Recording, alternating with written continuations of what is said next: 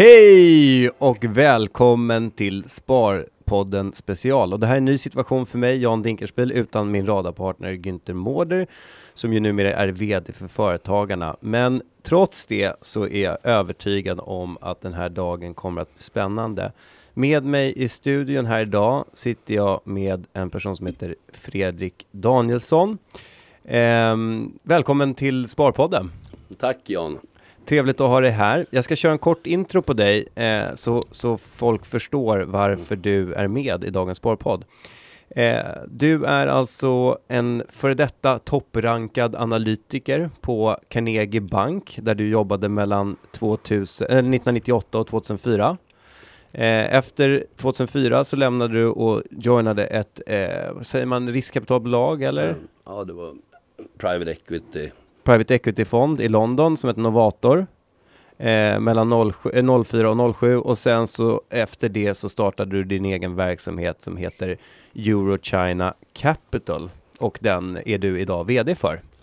Ja, det stämmer. Ja. Det, det är min bakgrund och sen eh, har jag ju fortsatt då med Eurochina Capital i olika projekt där Sino Agrofood är ett av dem. Exakt, och det är väl det jag vill komma in på. För att ett bolag som många av våra sparare är väldigt nyfikna på och investerade i är ett bolag som heter Sino Agrofood. Och ni som har lyssnat på föregående avsnitt vet att vi har eh, jag och Günther har varit inne och pratat om det här bolaget. Vi pratar alltså om en verksamhet som är, var är det, var är bolaget noterat?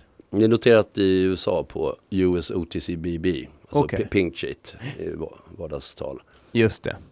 Eh, och det är väl anledningen till det är märkligt att det är under, under skandinaviska sparares radar egentligen, men du får komma in på den historien. Så att jag tänkte Ja. att vi ska komma in och berätta först och främst, hur kom du i, eller nej, vet du vad vi börjar? Vi börjar med att berätta lite om dig själv. Jag har berättat kortfattat vad du har gjort, men vill du ta din resa igen?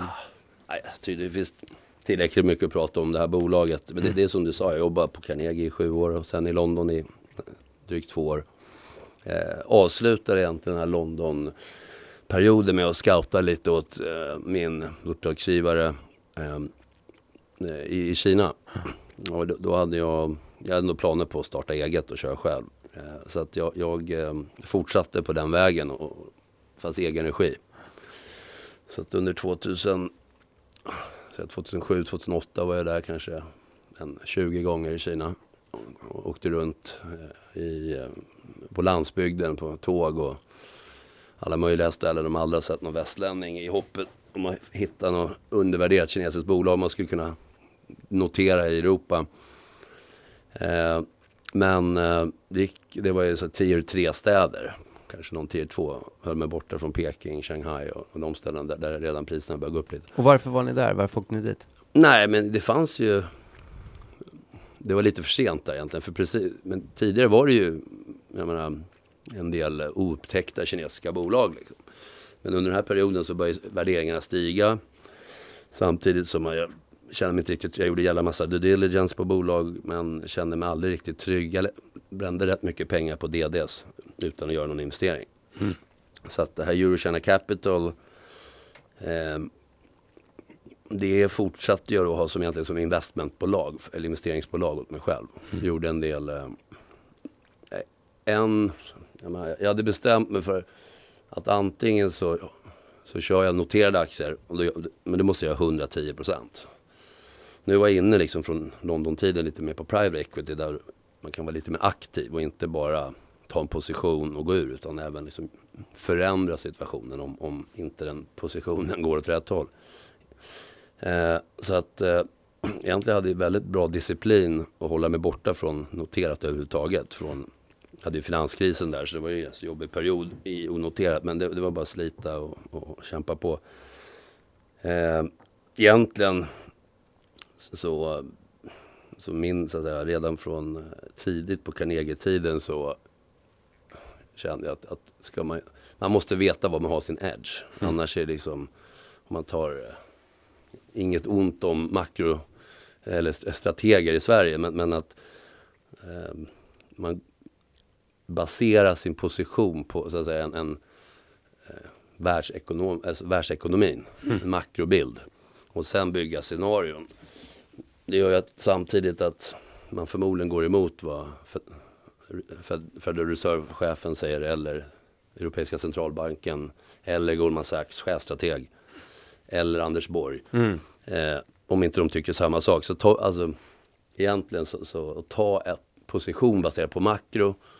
Det, jag slutade faktiskt läsa makro redan efter typ fyra år på Carnegie. För det, det är lätt att man blir nyfiken på att man, man, får en, en, idé om att så här måste det vara och så mm. blir, blir, man färgad. Du är ingen indexfondköpare? Nej, det, det, det kanske jag skulle kunna köpa själv. Mm. Men inte, inte förvalta. Eh, men eh, men du berättar, vad var signifikant för, alltså vad var ett gemensamt tema för alla de här DDsarna du gjorde i Kina, men där du aldrig tog steget till att investera? Nej, men på den tiden alltså, det var ju 2007, 2008, det var ju delvis skämt men ofta hyfsat mycket allvar. Då var det att kinesiska bolag, de hade fem, fem, fem redovisningar. Det var en för personalen och det var en för eh, investerare en för Skatteverket, en till frun och så en till älskarinnan. Mm. Den var alltid högst resultatet såklart. så, så vår bild av en väldigt osäker investeringsmarknad? Nej men det, det var så då. Det har hänt sjukt mycket sedan dess. Mm. Och Tasina Agrofo, det är egentligen inte ett kinesiskt bolag. Det är ett uh, utländskt bolag med ägarintressen i, kinesisk, i Kina. Mm. Så det styrs ju mer ur så att säga, control kontrollperspektiv eh, styrs det inte som traditionella kinesiska. Men de har förändrats rätt mycket också de sista åren. Vi kommer in på det, men så vill jag hoppa tillbaka till, eh, till eh, din relation till sparande bara generellt sett. Du har alltid, hur, hur ditt intresse för aktier och aktiemarknaden och hur, hur, när det dök upp och hur det har följt med dig genom åren? Mm, nej, jag, pluggade naturvetenskaplig linje och var nästan inne då på någonting naturvetenskapligt. Sen hamnade jag i börsrum på, på universitetet och tyckte det var jävligt kul. Eh, och sen eh, jag varit jag såld på liksom. Jag tyckte det var spännande action och så vidare. Eh, så fick jag jobb på Carnegie precis alldeles innan jag var klar med, med plugget. Och sen det var 2000, 1997, 98 någon gång. Och sen körde jag järnet där liksom. Jag, jag tyckte det var svinkul hela vägen tills jag slutade. Vad tror du var som gjorde dig till en, till en topprankad analytiker? Vad gör dig annorlunda än alla andra, än kollektivet? Dels så var jag ju, jag men, tyckte det var superroligt. Jag låg och läste liksom, under första åren där, låg jag och läste årsredovisningar liksom på kvällarna, sent på, in på natten nästan prenumerera på Financial Times, DI, Economist, alltid ständigt dåligt samvete att man inte hade läst allting. Nej, men jag tyckte det var sjukt kul och, mm. och, eh, så jag gav allt. Eh, och eh, Carnegie var en bra firma på den tiden med bra skolning tycker jag. Mm. Men sen körde jag stenhårt. Alltså, ja, någonstans där så, så man vill inte verka, verka stöddig på något sätt. Men, men, kände att jag vill inte hålla på med det om jag, ska inte, om jag inte kan visa att jag tillför något värde. Man vill inte vara jämförbar med en, en apa som kastar pil. Mm. Och det är ganska svårt alltså. Att, att vara bättre än index menar du? Nej, men att liksom systematiskt kunna visa att det lönar sig att följa den här personens råd. Mm. Jag bestämde mig för att i alla fall eh, försöka då alltid ha en edge inför kvartalsrapporterna. Mm. Eh, och det vart ju liksom då så att jag tror att de sista 23 kvartalsrapporterna så låg jag på rätt sida om bättre eller sämre än väntat. Mm. Att, eh, Tror du men... att du förstod eh, mekanismerna i en resultaträkning bättre än, än dina konkurrenter om vi har sett de andra analytikerna? Nej, det tror jag, det tror jag inte. Men eh, värdering i sig, det var någonting som jag var väl, men det har inte så mycket att göra med om man får rätt rekommendationerna. Mm. Men det var någonting som jag var väldigt intresserad av. Så jag var uppe hos en kille som heter Micke Gunnarsson på Korpen och, och eh, som var ansågs som kanske bäst i Sverige på värdering och var där ganska flitigt och, och, och liksom diskutera och lärde mig mycket. Ja. Så på värderingssidan så måste jag säga, där är jag stark. Eh, men sen är det liksom egentligen var, var jävligt ettrig på att liksom, eh, eh, ja, göra sin research liksom, lite mer. Mm. Kul, och sen så var du i London och sen så kom du in på och startade din egen verksamhet och det var där du kom i kontakt med det här kända bolaget Sino Agrofood. Ska vi börja med att egentligen gå igenom Vad är Sino Agrofoods? Ja, det kan vi börja med. Det är, eh, Sino Agrofoods är ett eh, amerikanskt holdingbolag. Noterat som sagt på Pink Sheet eh, i USA. Som äger eh, i sin tur ett, en handfull eh, holdingbolag i typ Macao och Hongkong. Där 100% ägda. Där de sen äger då intressen i kinesiska bolag eh, inom organisk mattillverkning. Eh, ma från ja, upp till 75 ägande. Då. Det, det finns eh, av det finns regler som gör att för att få ut cash flow så, så är 75 det du kan äga i den här industrin i Kina. Så de äger eh, från ingenting upp till 75 procent i ett antal kinesiska operativa bolag. Men jag vet att jag kommer ihåg själv när jag, mina processer som vi kanske kommer in på sen, hur jag kom in på, på bolaget.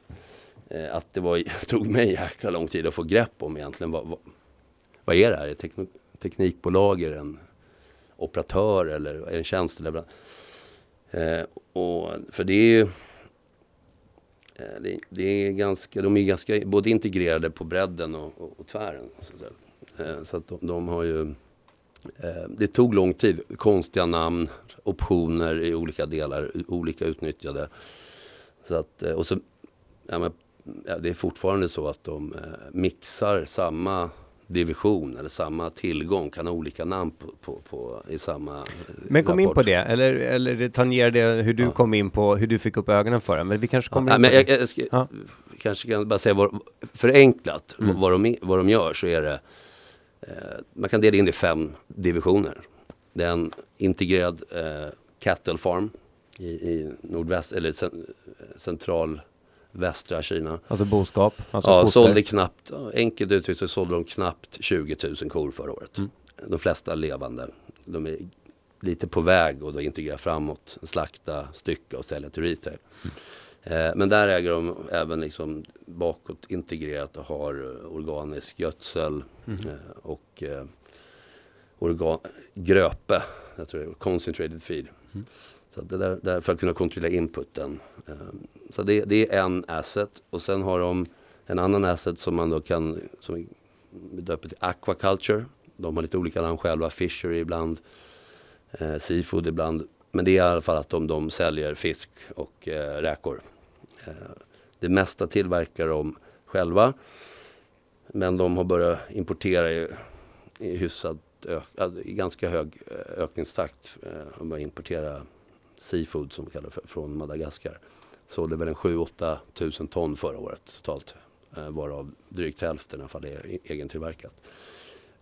Egentligen skulle man kan egentligen stanna där. Sen har de en organisk, organisk mixed fertilizer. De har en mindre cattle farms. Och de har en, en division som heter eh, som plantation som är dragon fruit. Jag vet inte, drakfrukt. -huh. De tar blomman och, och gör en hälsote av det. Men om man går tillbaka de två första, den integrerade cattlefarmen, eh, där äger de 45 procent. Och eh, den aquaculture som är egentillverkad organisk fisk och importerad. Det står för över 80 procent av resultatet i bolaget. Ja. Så att då är det egentligen lite enklare. Eh, sen finns det optioner och så vidare under aquaculture. Men eh, om man ska lägga tid på bolaget ska man titta på de två. Annars kan man snurra runt länge bara för att få grepp över vad är det. Och berätta då hur du kom in. Uh, hur kommer en uh, private equity eller onoterad... jag ska inte överdriva nej, men, equity. men onoterad investerare i kontakt med den här typen av bolag? Nej men som jag sa, det, det, det redan, jag, jag liksom bestämde, ska jag köra noterade aktier då så gör jag 110 procent. Eh, annars är det typ ingen idé. Kanske man tittar på någon riktigt small cap. Men jag höll den disciplinen. Eh, och eh, men, men man har ju mycket kompisar i branschen och det snurrar case hela tiden. Där just, ja, som egentligen slår dövörat till för att eh, inte tappa fokus. Eh, men det här, jag, vet, jag tror jag läste om det här i DI faktiskt första gången. Och då, man vet ju att det kan stå en del överdrifter i de tidningarna. De har mycket att skriva om. Det är svårt att få liksom, allting exakt. Det kan bli något slarvfel. Men här var P1, organisk mat i Kina, 100% tillväxt tänkte jag, men nu, alltså det kan ju inte stämma. Liksom. Så då, då, började jag kolla, då började kolla på bolaget, mm. in på hemsidan. Fattade ingenting. Vill du avslöja en fraud i det här, vid den här tidpunkten? Nej, det är absolut inte någon tanke så. Liksom. Jag var bara nyfiken på, jag tänkte att det, nu har det blivit någon liksom slarvfel någonstans. Ah, okay. Men när man kollade, i, gick in och liksom laddade ner de här SEC-filings. Som är eh, rapportering i USA? Ja, den legala rapporteringen. Mm. Där de faktiskt gör full rapportering fast de inte behöver det. Så det, deras kvartalsrapporter var ju liksom mellan 80 och 100 sidor då och årsrapporterna över 100 sidor. Tunga legala dokument. Eh, och började läsa dem och då, ja, men siffrorna stämde med vad som stod i DI. Jag Började kolla liksom på en sån grovcheck. Ja.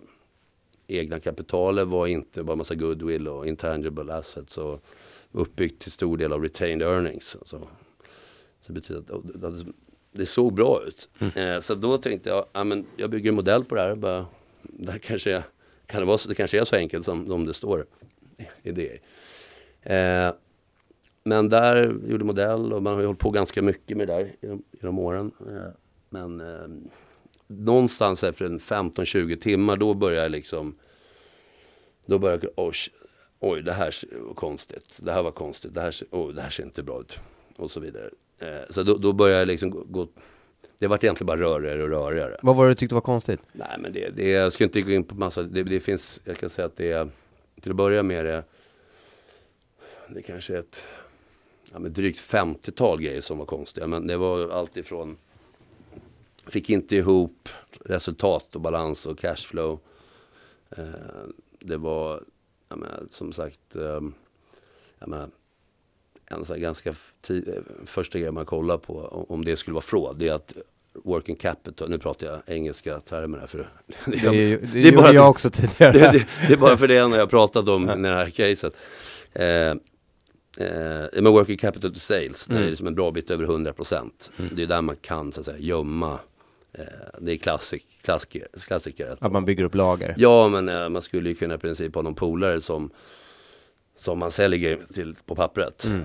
Han, men han, det du behöver inte betala. Mm. Och då bygger man på, så det, det, det, det, är en klassisk post man tittar på om man ska liksom fråd. Så det var, det var mycket röda flaggor, det var mycket konstigheter och grejer jag fick inte ihop. Ringde och pratade med han som är grundare och VD och ordförande. Mm. och huvudägare. ja, där har ju en konstighet också. Mm. Eh, som jag fick jävligt bra intryck av. Mm. Och jag pratade ganska mycket med honom och kände liksom att och de grejerna som jag testade honom på på telefon, då bara, aha, okej, okay, då förstod jag. Mm. Det var så. Det var, all right. Var är vi? Vilket år? Det här är, det är alltså eh, 2011, hösten 2011. Mm. Så jag fortsätter att köra och eh, börjar då, jag tror att jag redan här då börjar ta hjälp av, nej, nej jag kör på en tag själv, har lite dialog med någon telefon. Och jag får alltså, fortsatt förtroende för honom och känner att de gör en jävla massa korkade missar rent i, alltså IR-mässigt och, och de har ju ingen finansavdelning som, som går att prata med. Utan, jag hade liksom en hypotes då om att den här killen är grym på businessen. Mm. Men, men, eh, är alltså, långt ifrån grym på, på det finansiella och förstå kapitalmarknaden. Och så beskriv honom, beskriv honom som profil. Ja men han är en, han är närmare 70. Han är liksom sjukt driven, sjukt seriös. Eh, jag måste säga sjukt smart, duktig, strukturerad. Jobbar, eh, eh, jag tror sex dagar i veckan. Eh, jag kan ringa till ett, fram till ett nästan varje dag mm. och han svarar. Eh, och eh, han är, eh, jag menar, hans familj bor i Malaysia. Han är själv faktiskt också australiensisk medborgare vilket har viss implikation för, för alla de här fraudsen som har varit på kinesiska bolag. Mm. Det var kinesiska medborgare som, som inte då finns det inget så att säga det eh, finns ingen jurisdiktion? Nej, de, de har, ingen av de 40 plus fraudsen som har varit av kinesiska bolag i USA. Mm. In, ingen har blivit ställd eh, till rätta. Mm. I alla fall så är han och eh, han har en vision och han, han, han, är, han, är, extremt driven, både passionerad och eh, så att säga driven av, av business. Sen har ju sina svagheter självklart, annars hade inte vi, vi kunnat kommit in så billigt i det här bolaget. Mm. Men, men okej, åter. Så att du, du lite varningsflaggor och du eh, tar regelbunden kontakt med honom? Ja, ja. och ehm, till slut bestämmer jag att jag, vi ska, alltså jag har en hypotes där, alltså att, att vi skulle kunna partna upp här.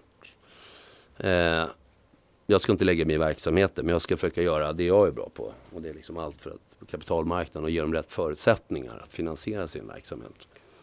Och det är ganska kul än idag så tycker jag att den hypotesen håller. Och den eh, bär frukt eh, som det ser ut just nu. Jag åker ner för att träffa honom i Singapore här på senhösten 2011. Jag har då med mig en ganska tjock lunta frågor. Gått igenom alla liksom 10 case och 10 Qs och alla fotnötter. Ett jävla... Jag hade, jag hade lite tid, jag hade ganska mycket tid just då så jag kunde lägga väldigt mycket tid på det här bolaget. Vilket behövdes. Så vi ses på ett hotell i, Singapore och sitter där 48 timmar och betar av allting. Han är helt slut. eh, men jag säger att det är bra, bara kör vidare med mig så ska jag se till att du inte behöver repetera det här för någon annan sen. Mm.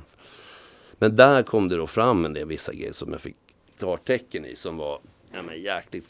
Ja, men, det krävs ganska mycket erfarenhet för att kunna ställa frågan. Och det krävs att man har access till honom för att kunna få ett svar. Mm. Där nog, tror jag egentligen att jag kände shit alltså. Där, jag började förstå också varför aktien var så lågt värderad. Mm. Vilket är det viktigaste. Det är det första delen i att kunna gå in i ett bolag som handlas på P1. Mm. Man måste förstå hur kan den vara så billig. Mm. Det, det, jag började skissa på en analys för det till tidpunkten efter. Och då var liksom första 30 sidorna var Why, why so cheap? Mm. Det är där man börjar. Mm. Och sen by, by the way, det är det här de sysslar med. Mm. Egentligen så siffrorna talar för sig, sig själv. Organisk yeah. mat i Kina på P1 med den tillväxten. Stämmer det så behöver du inte veta mycket mer. Nej men fall jag fick upp, jag kände att det, det, det, jag kände att jag fick vittring på att här kan det faktiskt vara ett bolag som är helt felprisat. Mm. Och då, då, vart jag, då fortsatte jag köra på. Hade, då tog jag in jag ville ha liksom bollplank också, lite djävulens advokat. Så jag tog in, totalt blev det tre stycken som jag haft jobbat med eller haft kontakt med i branschen. Tre som jag har jävligt högt förtroende för. Som inte är sådana som springer iväg och blir superentusiastiska hela tiden. Utan mm. väl, ganska liksom, väldigt seriösa och analytiska och inte superhåsade liksom, i grunden utan neutrala. Och då ramlar det in i mail från ena killen då, eh, som heter ja, Niklas. Eh, och det mycket, var röda flaggor överallt. Och, och det var det. Men, men vi betade av det där. En annan kille, jobb, vi jobbade, jag jobbade lite kvällar och helger. Alltså det är ganska tunga killar, eller väldigt, väldigt erfarna killar mm. i branschen. Eh, och eh, ja, vi malde på där ett tag tillsammans och började intervjua före detta affärspartners. Eh, eh åkte, jag gjorde själv, eh, åkte, gjorde site visits. Eh, jag har min partner som bor i Peking. Nu pratar de alltså om att du åkte till Asien och ja, tittade på faciliteterna? Ja, ja. Vi, vi, alltså, det, det gjordes ett väldigt stort jobb här någon gång under 2000 eh, 12, 13. Um, det var inte, he, alltså det var inte helt, inte full tid, men det var väldigt, väldigt mycket tid jag la. För jag kände att en sån här case kräver liksom, för att om jag ska kunna gå in och göra någonting måste jag känna mig jävligt säker på det. Jag kommer inte kunna finansiera och vid det här själv. tillfället har du inte gjort någonting alls i bolaget? Nej, jag tror att jag... Eh, jo, jag köpte nog... Jag vet inte exakt, men jag började köpa lite aktier. Och det var också en, en del i den här checken att jag, jag, jag frågade om det fanns något block till salu. Om han eller hans kompisar, liksom kineser och så vidare. Och, och till dags datum har jag inte det fanns inga block. Och då var, men då var aktien uppe i, uppe i 75 cent kommer jag eh, ungefär. Den har ju varit där mellan 35 och 75 cent tills den här omvända splitten. Eh, så det var inget till salu där. Uh, och det tog du som en signal på ja. att ingen vill sälja? Att, nej, nej, men det var i alla fall positivt ja. att, att, att han inte, det gick inte att få en, jag bildade med, fick köpa med premium för att få en större block. Mm. Men det fick jag inte fram, så det var en liten check liksom i allt, alltihopa. Um, Nej men det, det, var, det, var, ett väldigt stort researcharbete. Mycket intervjuer, eh, intervjua kunder, leverantörer. Eh, min partner som bor i Peking sedan 20 år tillbaka. Som är 60, ja, drygt 60. Eh, varit chef på Svenska exportrådet fem år.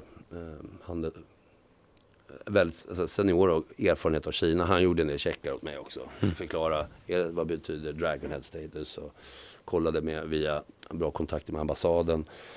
Eh, kunde göra vissa checkar och så vidare. Så att, eh, ja, det var en DD-analysprocess och samtidigt började jag skissa på liksom vad, hur man ska, vad man ska göra som aktivist i det här. Mm. Så jag satte upp eh, fortfarande Valuation Discount Reduction Plan. Eh, vad det för åtgärder som behövde göras? Du sa eh, tidigare att du, du började identifiera vad anledningen till varför det är så lågt värderat. Vad, vad var din, vad, eller vad är din analys här i efterhand? Varför, varför var det, fanns det skeptiker? Man kan, är skeptiker jag förstår att det finns för att det går inte att förstå. Menar, för, för, eh, det tog mig ett par hundra timmar innan jag fick någon rätt sida på det. Det, det jag, jag, det, jag förstår att skept, det är snarare, det är nästan så att det var så att till slut tänkte jag, det är fan starkt att den ändå handlas på P1. Nej, för man, bör, man kan börja liksom egentligen, man kan göra en lista på, jag har en sån lista på en tiotal faktorer man kan rada upp. Ja. Vad, vad som Men dela gärna det, vi ja. sitter med supernördar där ute i Ja, etern som lyssnar. nej, nej, men, men egentligen som jag tror man börjar eh, i, jag drog den listan jag, i den här finansieringen med konvertibeln. Så hade jag den listan så. Men om jag skulle berätta nu egentligen så, så skulle jag säga att det börjar med att det är ett bolag som eh, de kom in i en period i slutet av 2011. Då hade liksom krasch för kinesiska bolag generellt på den här listan. Eh, de låg i investeringsåtaganden. Eh, de kunde inte finansiering och det var omöjligt för någon att förstå det. Så de, de kom in i en squeeze. De var tvungna att börja printa i liksom ett ökat tempo och betala gamla skulder och sånt med aktier. Mm. Så man tittar bara, då, om man tar från 1 januari 2012. Eh, då var det, vi pratar gamla antal aktier då. Nu split, omvänd split 9,9 men då var det 67 miljoner aktier. Eh, sen var det 100 miljoner aktier i början av 2013. Sen var det lite lugnare år 2000, till 2014 tror jag ingången 2014 112 miljoner aktier. Första tre kvartalen 2014 tills, jag, tills vi gjorde konvertibeln där vi i en covenant förbjöd dem att trycka aktier på det sättet. Så har det gått från 112 miljoner aktier till 168 miljoner aktier. Mm. Så du har alltså då, och alla de här aktierna är så betalningar. Det, är kanske, det är väl en, kanske en knappt 100 emissioner som har gjorts. Som man dessutom får läsa om efteråt i kvartalsrapporten att de har gjorts. Ja. Och med sex månaders lockup får säljas. Så det går från 67 miljoner till 168 miljoner på, från 2012 till Q3 2014. Så folk blir väldigt utspädda utan att veta om att de blir utspädda. Nej, dels det, Ja. att du har liksom, titta på, på, på så att säga eh, utspädningstrenden. Sist, hur, den, menar, vem går de här aktierna till? Mm. Alltså en utspädningstrend som gjorde att även fast de växte kraftigt hade de en negativ EPS-tillväxt 2014. Mm. Eh, det är alltså vi- vinst per aktie, ja, EPS. Ja. precis, earnings per share. Mm. Så vinsten gick upp explosionsartat, Ja, men ja. man printade aktier i sån takt att, att eh, vinst per aktie gick Ja, ner. det var ju nästan, var det, nästan cirka 50 procents utspädning på tre första Mm. kvartalen 2014. Så att, ja, men jag hade inte, trots alla analyser jag gjort, hade jag inte gått in och kunnat påverka bolaget, hade jag trots det inte gått in på, när den var då på motsvarande 40 cent när jag Mm. gjorde konvertibeln. Mm. Så det var, för, jag menar, det här kunnat fortsätta med den takten liksom. Då, då, då, finns det ju inget bolag som klarar av det med, med vinsttillväxt. Det blir ju bara total pannkaka i slutändan. Eh, men så dels har det den utspädningen som är jävligt negativ till en början. Och ingen förklaring liksom till när kan det sluta och så vidare. Eh, och, jag menar, det var, tog, även fast jag träffade Solomon många gånger så jag menar, det tog ett bra tag liksom. Det var inte förrän jag kunde få egentligen konvertibeln på plats med en covenant som för, förbjöd dem tills jag, när jag kände mig helt trygg med att det inte kunde fortsätta. Dels det, men sen har det också att det här är inte satts på, det är inte liksom svenska pensionsfonder som har fått de här aktierna. Mm. Utan de har ju varit istället för att cash. Jag har ju ingen statistik på hur många som har sålts. Man kan räkna med att typ det mesta har sålts. Och då är det sex månaders lockup. Så att eh, ja, 67 miljoner till 168 och, och all den ökningen är liksom ska ut på marknaden. Mm. När jag räknar på det då där sommaren 2014 då var det en, drygt 40 procent av... Jag tror att jag ska förklara lite för lyssnarna. Så att eh, helt man har betalat med aktier och så sitter det då leverantörer som har fått de aktierna. Vi pratar kinesiska eh, leverantörer ja. av... Det, det, eh, det var lite olika. Egentligen så var det så att de, de har, de har haft en leverantörsskuld eller en, ja, till antingen till, till och det, där för övrigt så har det, det går ju genom resultaträkningen. Så mm. det, jag tror ni på förra podcasten pratade lite om hur mycket skulle boosta resultatet. Eller hur mycket sämre skulle resultatet bli om man inte betalar med aktier. Mm. Och där är svaret att det skulle inte bli sämre resultat. Mm. Eh, men, men, i alla fall man, har haft någon, någon, någon eh, betalning till en leverantör som man inte kunde betala. Eller till någon tjänst, eh, någon som har gjort någon tjänst. Eh, då har man faktiskt inte betalt aktierna direkt till dem utan man har eh, lånat pengar av någon. Och sen har man fått in cash och betalat leverantören. Det har varit, det har varit, det har varit ja, lite, lite, lite, skiftande. Lite skiftande. lite det, har varit, det har varit direkt till leverantörer också. Mm. Men, det har varit, eh, men sen har man då betalt tillbaka den skulden. Man, så man lånar en miljon dollar. Mm. Betalar leverantören cash. Och sen när man ska, så, så, så, så, ska man lösa den här miljonen, då får de aktier. Så det låter ju som, man har gjort allt i sin makt för att kunna betala sina leverantörer helt enkelt. Ja, annars hade ju, precis. Eh, och, och, precis. och då säger ju en, då säger ju en, en, en sund eh, svensk företagsledare säger ju mm. att låt oss minska på expansionstakten ja. och säkerställa att vi får likviditet och kassaflöde mm. så att vi kan betala våra leverantörsskulder utan att behöva printa nya aktier. Ja, absolut. Ja. Eh, det, det, det, och det säger det att han han, eh, han har inte så att säga, han är fantastiskt grym på sin verksamhet men har inte fått så att säga, finansieringskunskap och aktiemarknadskänsla i, i bröstmjölken. Skiter han i det? Nej det gör han absolut inte. Mm. Men Alltså han vill bygga ett enormt bolag, han struntar i om den handlas på P 0,5 eller P5. Alltså det, han, han, han, struntar inte i det, det gör han inte. Men, men dels har det var brist på förståelse. Mm. Ehm, och brist för förståelse generellt i bolaget. Den sitsen de hamnar i är rätt extremt komplicerad också. Det var ett kinesiskt bolag på Pink Sheet och bara smattrade frauds under en period. Eh, och det är inte direkt, man behöver inte liksom vara helt kass för att det ska vara ganska jävligt svårt att komma ur det där greppet. Mm. Och så kommer in den här negativa spiralen och printa aktier. Det är klart, då fortsätter aktien ner. Mm så blir det en ond cirkel. Mm. Och sen när aktien tillräckligt billig då, då sätter ryktena igång. För när någonting så det antar man att det är någonting fel. Mm. Och så är kinesiskt bolag på pink sheet, det har varit mycket frauds. Och sen så det går tillbaka till varför aktien ja. är billig. Ja. Men du får börja med 40, 40 av snittomsättningen ungefär var overhang. Överhäng av alltså aktier som skulle säljas. Mm. Från sådana här betalningar varje mm. morgon. Det är ett jobbigt tryck varje dag. Mm. En säljorder liksom som, som står för 40% av dagsomsättningen. Mm.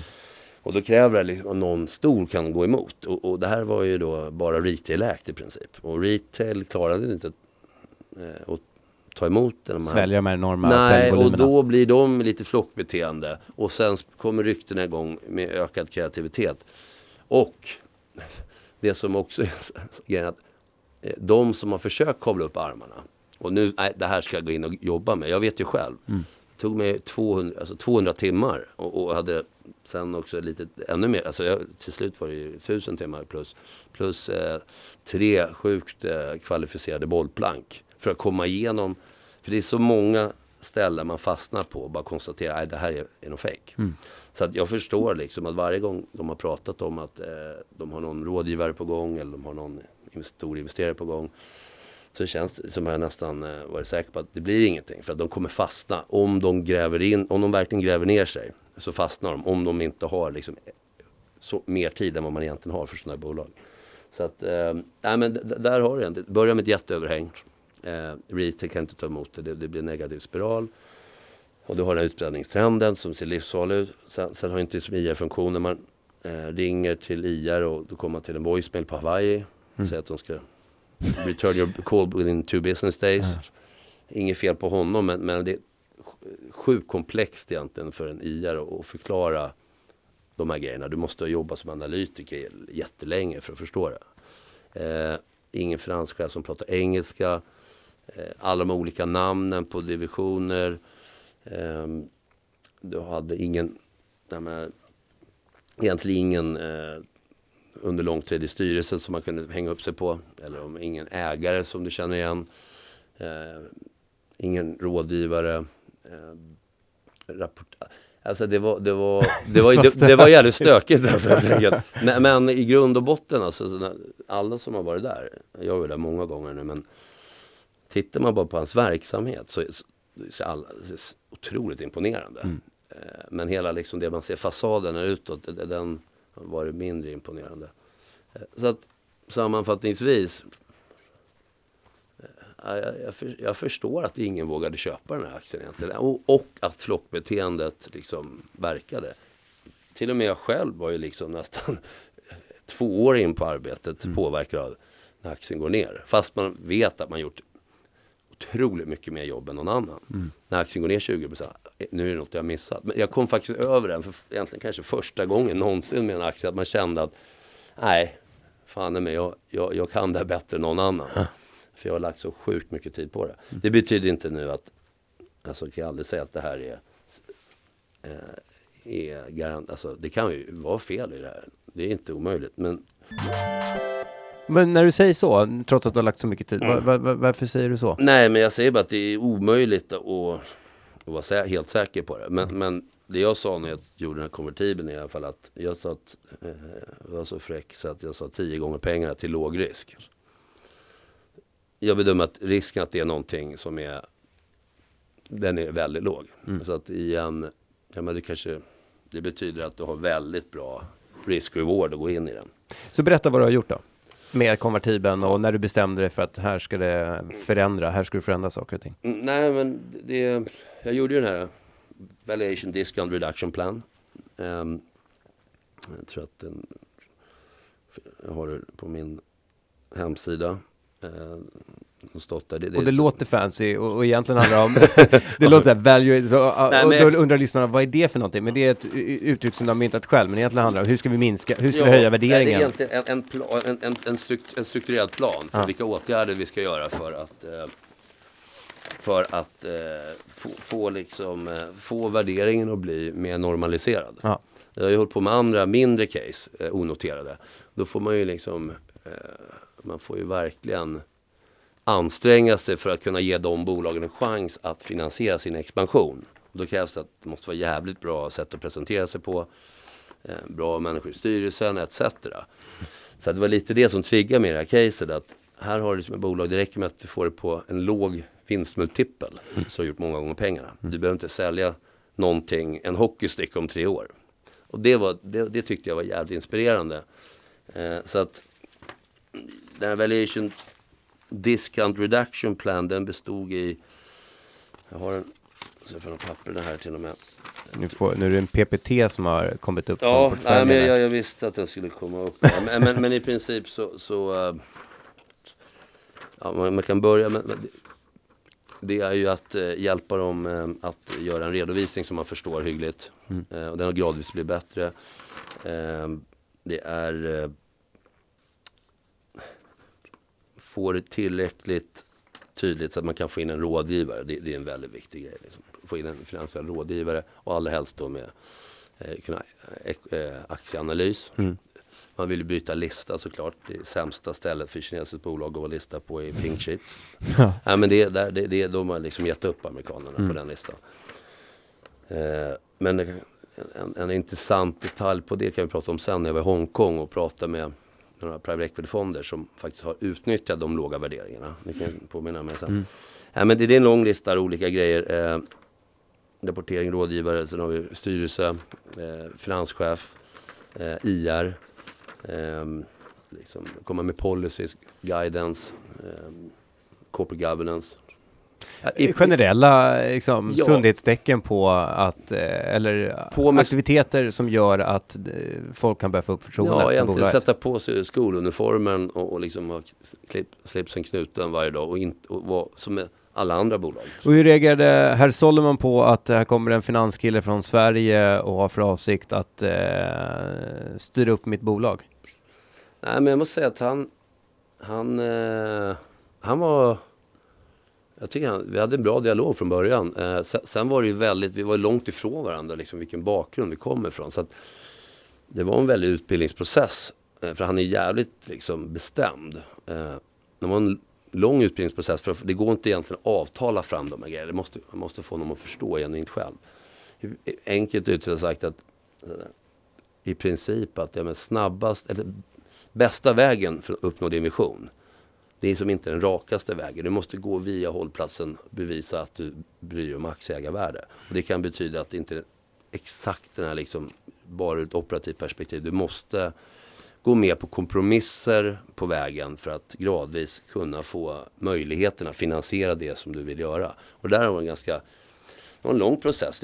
Jag tycker att han förstår det eh, ja, bra nu. Ja, men tillräckligt bra för att jag, jag, tycker att det fungerar samarbete. Det är fortfarande lite grejer man ska stötas och blötas. Det var otroligt mycket stöta och blöta ett tag där. Mm. Han, han sa ju till och med att eh, det var bara jag och hans, jag och hans fru var de två personer i världen som han kunde bli mest frustrerad på. Men det var ju bra, de var gifta i 30 år sedan, så det är kanon. Nej men det handlar någonstans om att bygga förtroende. Han, ja. Du ska få förtroende för honom, mm. att han inte är, nu säger ja, fraud, ja. och du, han ska få förtroende för dig för att du kan faktiskt tillföra värde när han vill driva sin verksamhet. Och han är väldigt, alltså det tar lång tid att bygga förtroende. Mm. Eh, så att det, det, men det var efter två år där liksom, ja, ni borde inte göra så, eller titta vad jag sa, titta vad jag sa. Mm. Då kunde han ändå tracka liksom mina råd som de inte följde mm. eh, mot oss, vad som hände. Och jag pitchade den här konvertibeln nästan ett år innan. Men den var precis det var till bättre villkor för bolaget. Eh, trodde nästan vi hade överenskommelse. Men då styrelsen fattade beslutet att inte köra. De ska köra en, en Bond i Sverige med, istället. Som, eh, men, men eh, sen ja, hade vi kontakt fortsatt och, och eh, fortsatt nya investerare på gång. Jag, jag, jag kände att fan, det, jag kan inte se hur en seriös investerare kommer gå hela vägen. För de måste fastna på någon av de här hållplatserna. Det, det, jag ser inte vem som kan motivera den tiden som krävdes för mig. Och de jag, som hjälpte mig. Eh, så att, ja, men mycket riktigt då, så på sommaren 2014 då hade han en, en akut betalning till återbetalning av ett banklån till eh, Agriculture Development Bank of China. Så jag avbröt semestern och hade ganska lite tid på mig då, Eh, i juli att sätta ihop den här konvertibeln. För då, jag hade velat göra en stor grej där jag samtidigt kan gå in och få mandat och hjälp och ändra situationen. Så det var dygnet runt där i, i, eh, i slutet av juli, början av augusti.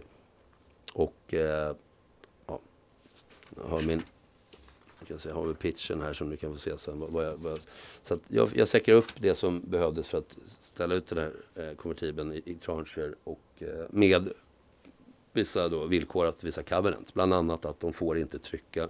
Han hade vissa gamla åtaganden eh, för sådana här kvittningsemissioner. Men efter det så fick han inte, får han inte göra det mer. Eh, och lite annat. Veto på finanschef och det var mm, the corporate governance etc. Så att, eh, eh, det gjorde, annonserades 4 september.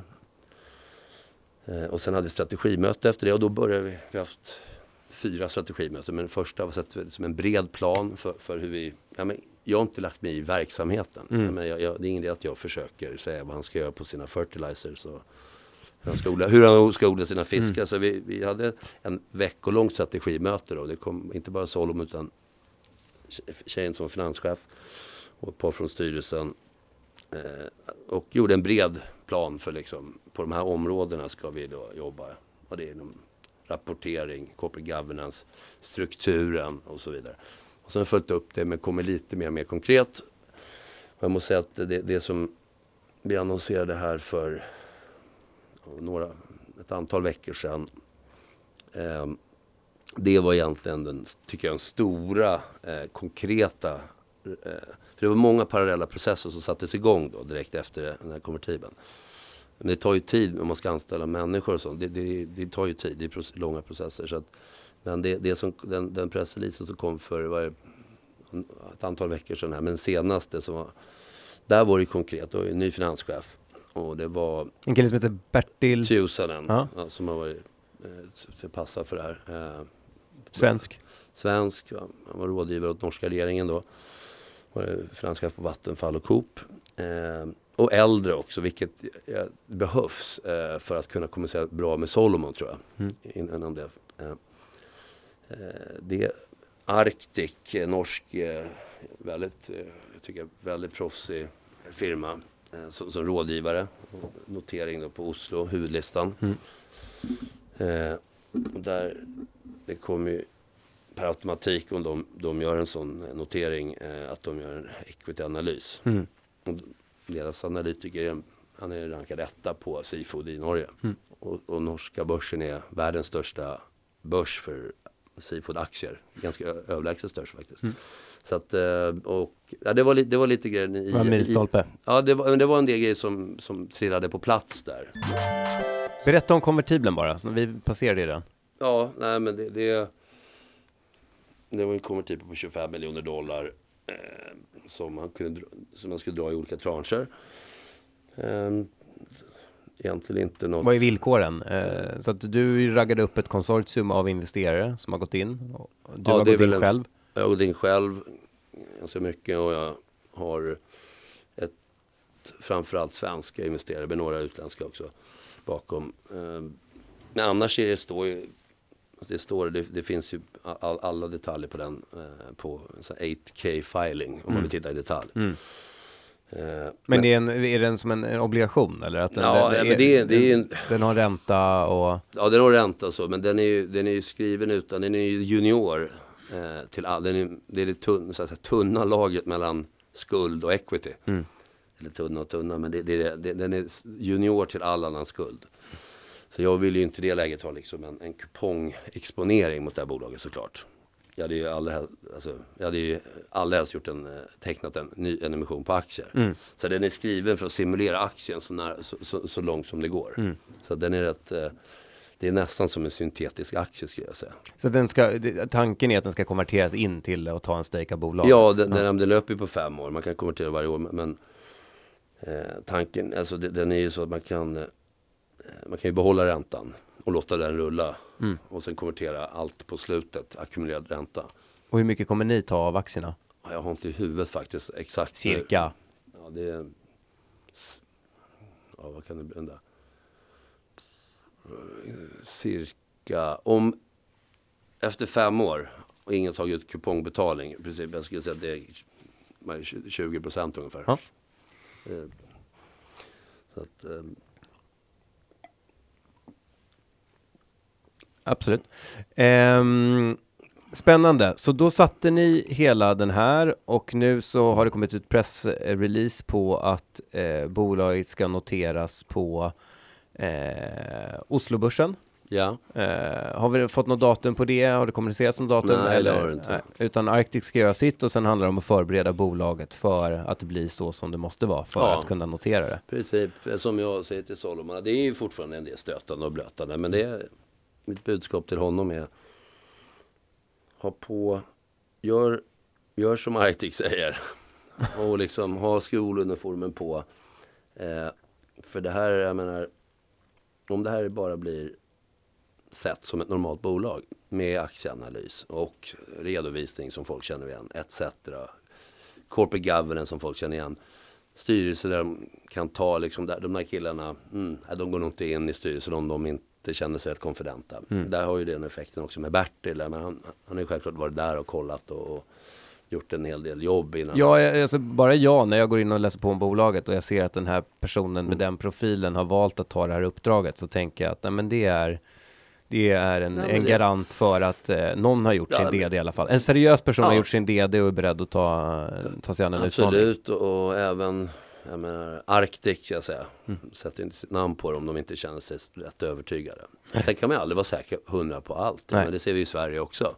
Men det är därför jag alltid återkommer till att jag kan aldrig svära på att det här är, att det inte är något fel. Liksom. Men, men jag ser mig i spegeln för ett enormt jobb.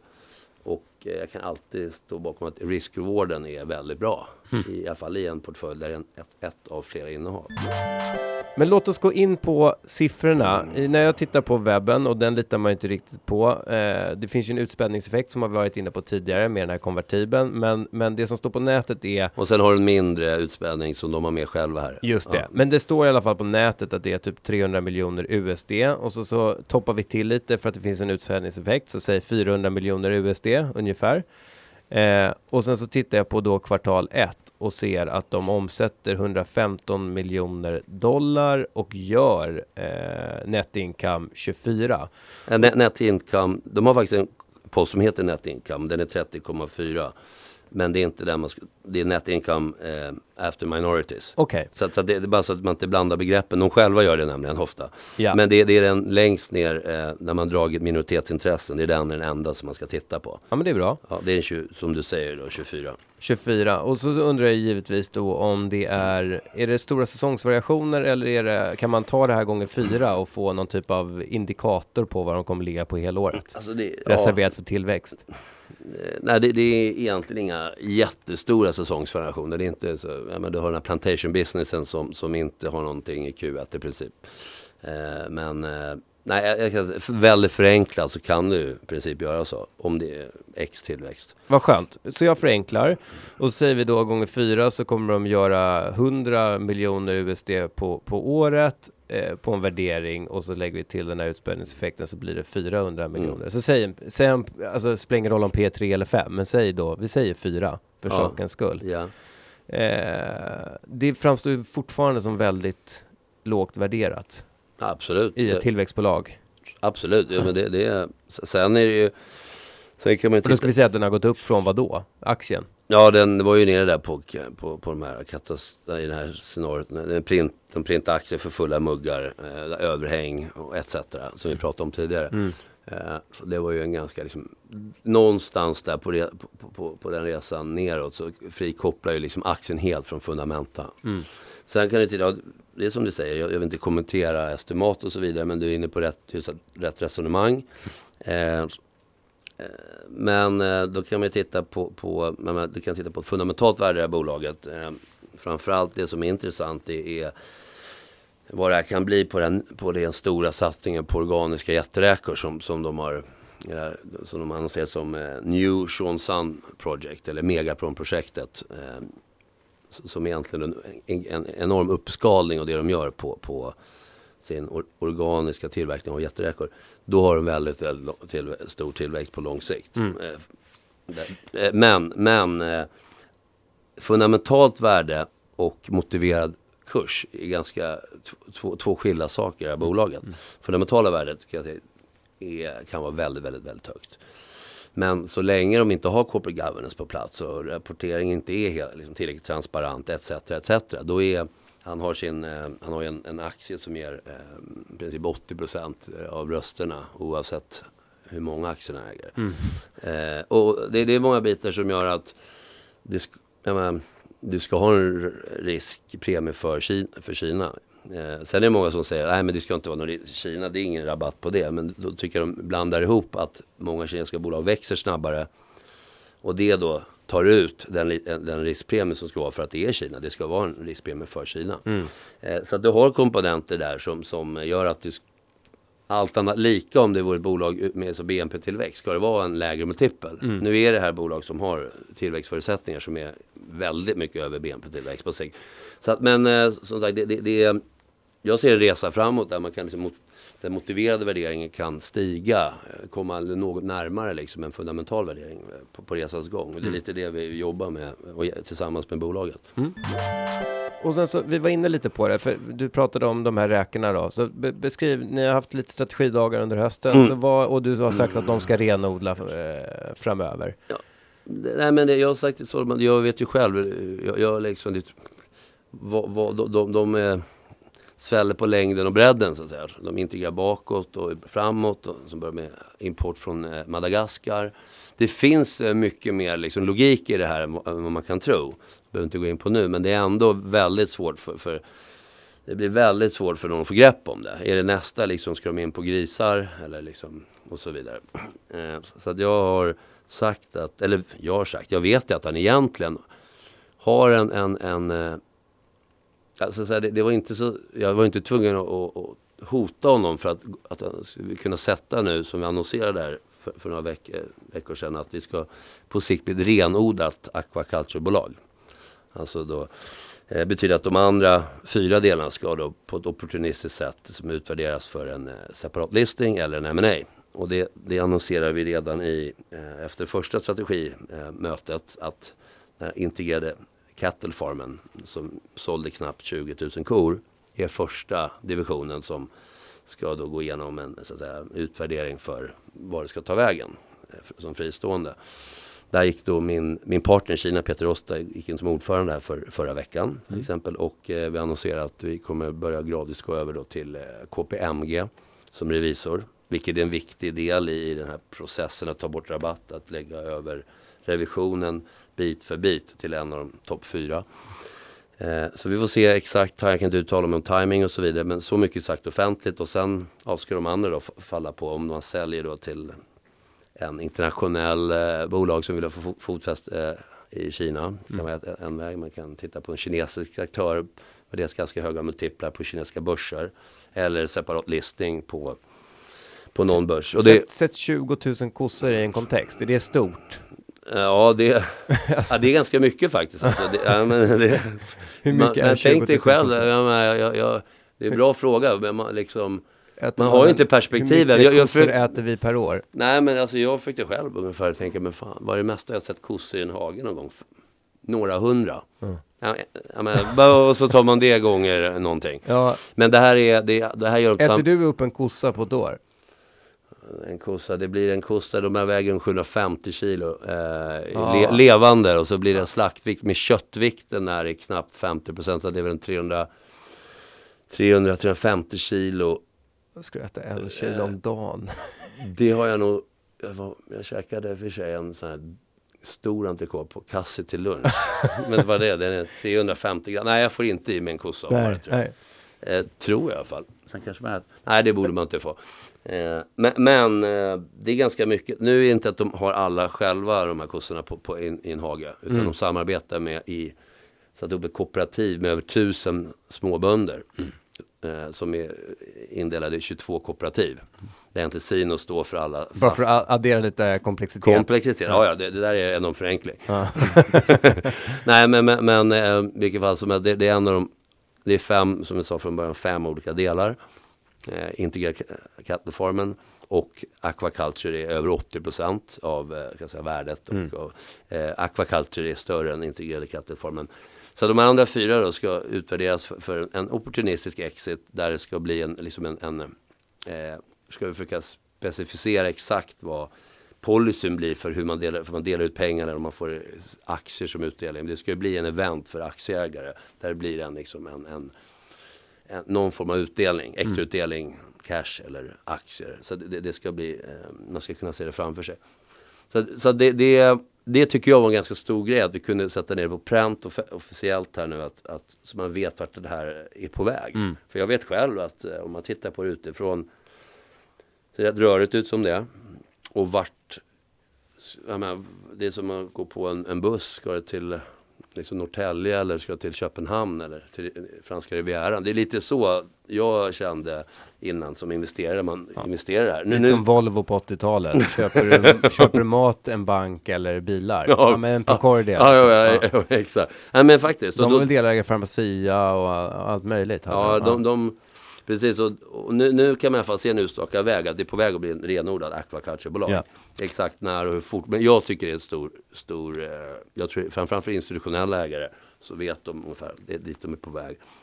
Ja, sen tittar vi på andra som, åtgärder liksom, för att det ska bli ett bolag. Jag, jag, vill, jag har ju som analytiker suttit och utvärderat bolagen på hur de kommunicerar IR och så vidare. Jag vill mm. att vi ska, därför kan inte vi försöka bli riktigt, riktigt bra på det här på sikt. Mm. Och inte, alltså, inte bara nöja med att bli medelbra.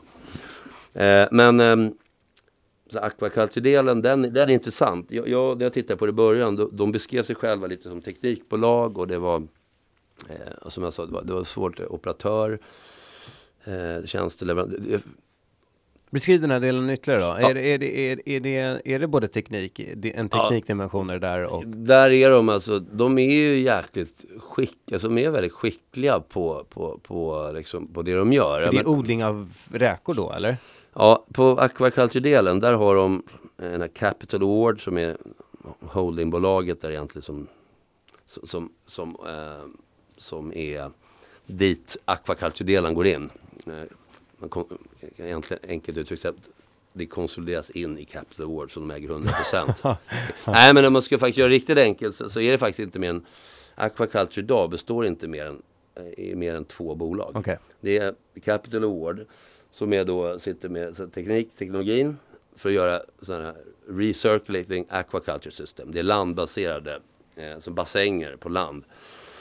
Där, där vattnet pumpas runt, t- tillsätts syre och så filtreras på olika sätt för att eh, så det blir som lite eget eh, Ekosystem. Ja exakt och det, det är då Man behöver inte då tillsätta några kemikalier eh, Inga ehm, ehm, eh,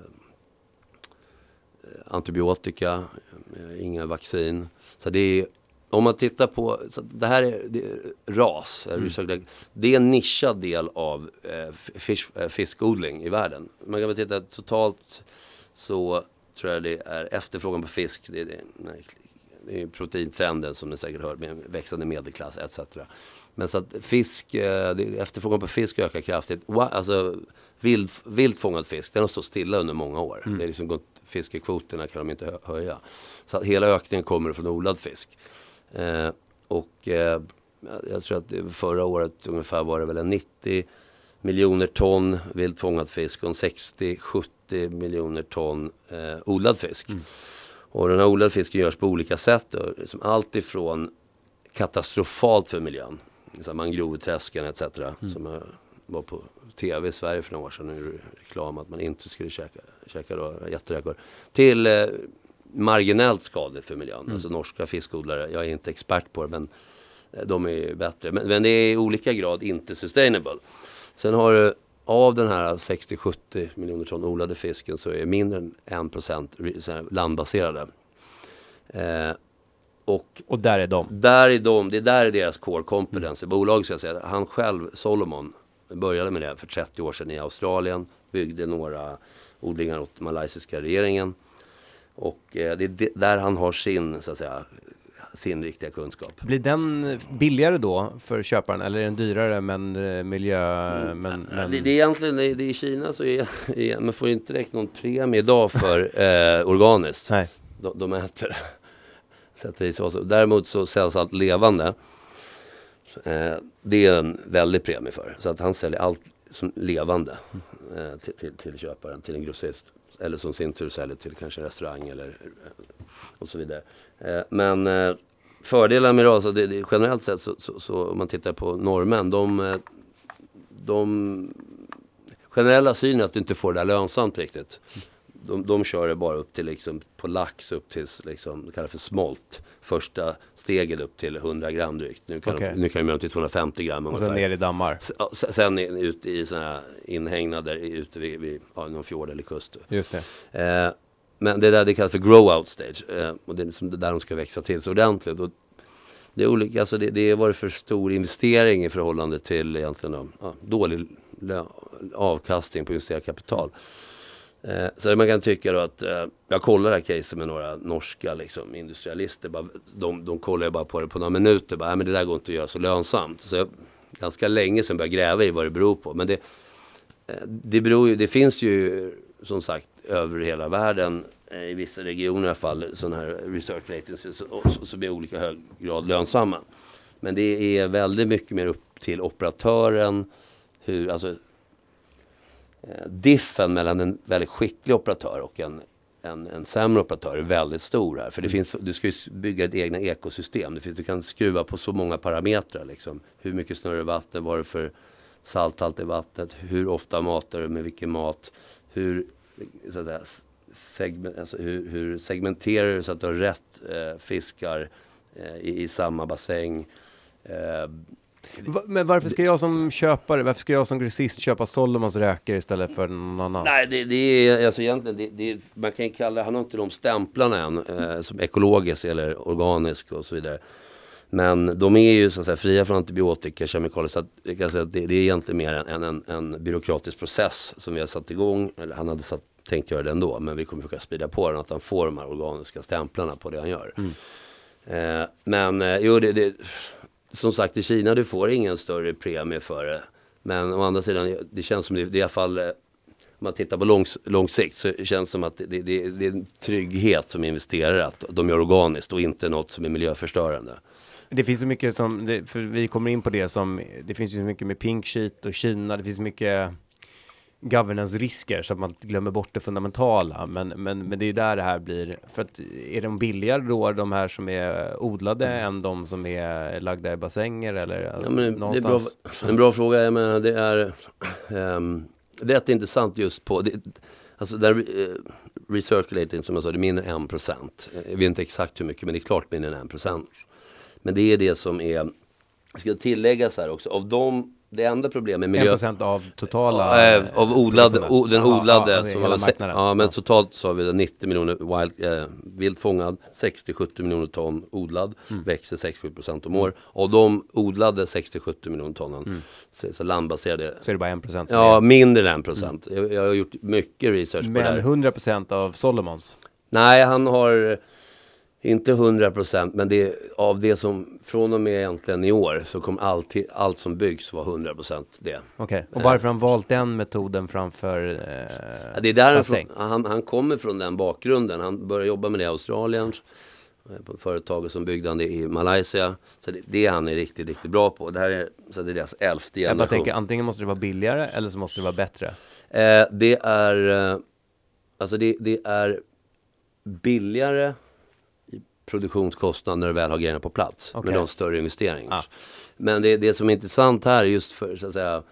Det funkar ju inte liksom om du ska köra lax. Alltså gör, ska köra lax. Han är i södra Kina. Det är ju nästan tropiskt. Ah. Eh, så att göra lax här skulle inte vara lönsamt mm. och så vidare. Så det gäller att rätt, eh, rätt art eh, på rätt ställe. Men han, nu gör han all utrustning sen ett tag tillbaka i Kina. Alltså mm. investeringskostnaden är ju lägre. Eh, han har ett sju, väldigt effektivt liksom, managementsystem, hur han driver det här. Som jag sa, det är väldigt mycket upp till hur, hur, hur du driftar de anläggningarna. Mm. Vilka utfallet kan bli väldigt olika. Eh, och sen också gen genetiska aspekter, om man tittar på det som kommer bli kärnan i bolaget, organiska jätteräkor. Mm. Där har du liksom en, en en eh, räka med bra gener. eh, en eh, mot en med dåliga gener. Ta en, en, en, jag älskar att du har blivit räkexpert. Ja, jag vill lite alltså. Han stod där när jag var nere i Kina i, vad var det, jag var där fyra gånger här sedan i, i september. Men eh, i november nog, då han precis fått in sån här motherstock från kinesiska jordbruksdepartementet med så här supergener. Eh, och då visade han alltså lite barn och visade hur kolla hur mycket mer de rör på sig, hur mycket med samma storlek kan visa mot de andra haft mm. tidigare. Men man säger att, att, bara för att illustrera hur den här lönsamheten kan skilja sig. Om du har liksom, tar en, en uh, Shaquille O'Neal-räka mot en Joe Pesci-räka. Mm. Så, så, blir den här på, på, på samma liksom, en, en, livscykel för en, en, en typisk jätteräka för honom är ungefär 21 veckor. Det är mer än dubbelt så stor en som har riktigt bra gener mot en som har halvdåliga. Mm. Och då är det också så att du får högre pris per kilo ja. på stora räkor. Så det blir okay. exponentiell. Ja. Så man, bara på den aspekten kan man förstå liksom att det går. Sen gäller det, som man är duktig på, det är att liksom på tidigt stadium liksom sålla ut de Alltså vara liksom en super Darwin här. Mm. Och göra, ta bort de som inte har rätt, eh, som inte har förutsättningar att växa snabbt så tidigt som möjligt. Så jag tror han gör tre, fyra olika så säga, grading som man kallar. Mm. Så att han kör dem som har, helst vill han bara köra dem med bra gener in i, han har liksom uppfödning, mm. kallas för hatchery nursery, första tre veckorna. Sen tar han dem och kör till produktionsanläggningarna och ja. då ska det helst vara så bra batch som möjligt. och där gör han ett par, tre gradings till. Ja. Och säljer ut dem som inte har förutsättningar att bli stora. Så han uttrycker inte, inte på det sättet. Men jag skulle tycka att han satsar sin, e sin fasta investering på, på de mest talang. Mm. Så det, det är en jäkla massa parametrar. Mm. Men, men det, det intressanta tycker jag med, med, med det här researchen är ett att det är... Om det är det här en expert på, varför har han diversifierat ut till Ja, det kan man fråga sig. Han är affärsman, opportunistisk, eh, tar bra möjligheter. Mm och så har han en partner som är liksom cattle. Men nej, det är en bra fråga, han borde kanske inte ha gjort det. Men han också, det finns olika förklaringar. En är att det i början höll han på med något som heter Sleepy Cod som hade väldigt volatila priser så han ville liksom lite sprida ut så att säga, riskerna. Mm. Men... Eh, är räkpriset volatilt? Eh, det har... Eh, alltså sen jag började följa det här så har det gått upp kraftigt liksom två år i rad. När jag började räkna på det. Mm. Så bruttomarginalerna var väl liksom en, kraftigt förbättras. Eh, så en, en, en, hyfsad, en hyfsat bra kalkyl har blivit fantastiskt bra kalkyl på jätteräkor. Och det, det är inte så, det, det, det trendar uppåt och sist när jag var där i december så intervjuade jag en, en av hans kunder. Som jag brukar försöka göra liksom för att få lite, lite dels en stickprov, bara fråga hur många hur många lastbilar har du kört till Solomons sajt mest per dag? Mm. Och sen hur många, last, hur många, to, eller hur många kilo tar varje last? Bara lite stickprov, bara lite, försöker göra sådana mm. grejer hela tiden. För, men i alla fall han, hans, uh, for, hans... Uh, är det för att du är paranoid eller är det för att det är ja, någonting kvar i dig som nej, inte nej, riktigt hittar? Nej, det är, jo jag är paranoid. Ja. Det, nej, men det är enda sättet då, mm. och liksom tycker jag. Och, och man måste vara paranoid hela mm. tiden. Mm. De andra bitarna är rätt uppenbart bra. Mm. Inte bara det här caset. Tyvärr är det så tycker jag att det är, para, man måste vara paranoid. Eh, och det är rätt jobbigt men det, det, det är en förutsättning tycker jag. Så att egentligen så, så lika bra att, att köra där som jag gjorde från början och, och hela tiden se om, om, om eh, ja, men gå tillbaka till, men de, han trodde att priserna skulle fortsätta upp. Och det beror på, och det är rätt intressant om man tittar på att han gör landbaserade på räkor. Att, ja, det är många av då den här grossisten som är kund till Solomon, hans kunder Eh, han har en 30-tal kunder den här killen och eh, många av de som kör räkor, de, de, det är några varje år som lägger ner räkorna. Eftersom att de, eh, av den så försurning som är i, i, i sjöar och dammar, så sjunker pH. Mm. Och räkorna som har kortare livscykel än fiskar tar stryk, dör och blir lättare, alltså tar mer skada innan fiskarna. Mm. Så många lägger ner i alla fall som det ser ut idag, lägger ner räkodling och bara kör fisk. Mm. Så då liksom, eh, utbudet är ganska dåligt. Eh, och det, så att han trodde att det skulle fortsätta upp ett tag. Eh, så även om priserna, det här är svårt att säga, men jag känner att om vi håller på att göra en, titta på ganska djupt in på det här nu eh, och försöka få liksom verifierat av objektiva eh, analys. Eh, och, alltså, ja, objektiv eh, utvärdering på det. För det går nästan inte att hitta någon analys på det faktiskt. Mm. Det var lätt överallt. Men att, att kan det vara en strukturell eh, utbudsminskning på grund av försurning. Eh, så finns det ytterligare uppsida? Nej, ja, men i alla, fall, i alla fall för mig är det mer att det inte är risk att det tok eh, faller. Nej. För kalkylerna är väldigt bra som de är. Och att det är en stabilitet på nedsidan. Du Fredrik, ska vi försöka avrunda? Det här har varit oerhört intressant. Jag tror att har man bevakat ett bolag så här nära under så lång tid ja. så finns det ju, man kan sitta och prata om det här i ja. eh, en vecka. Jag är övertygad om att ni som är intresserade av det här caset tycker att det här är spännande lyssning. Är det någonting du tycker att jag har glömt att fråga? Eller som du vill eh, tillägga? Nej, men eh, Nej, men jag skulle, jag, jag skulle kanske bara eh, lite tillägg faktiskt. Att hur, hur hans, alltså det, det som tog mig, de är väldigt dåliga på att lyfta fram sin organiska approach. Så man kan ju nämna på det här sättet, de då tillhör den här procenten som kanske är minst skadlig för miljön när det gäller fiskodling. Av dem så finns det, det, det enda problemet med det är att man måste tappa ut vattnet där, med, med liksom avföringen som, mm. inte, som är löslig, vattenlöslig avföring. Och det blir ganska jobbigt för, för miljön, alltså marken att ta upp. Mm. Måste ha filter och så vidare. Och då kan man köra det, eh, så att säga, vattnet genom rör och sen odla växter som man sticker ner stjälkarna i röret, kallas för hydroponic.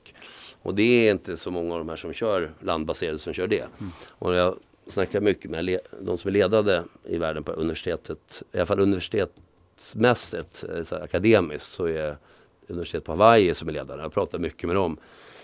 Och de, de tycker liksom att framtiden för, för sustainable aquaculture ligger inom RAS, Recycling Aquaculture System, plus hydroponic och aquaponic. Och det är det som han egentligen, hans stora projektet, han har redan gjort en demo ett år nu på det.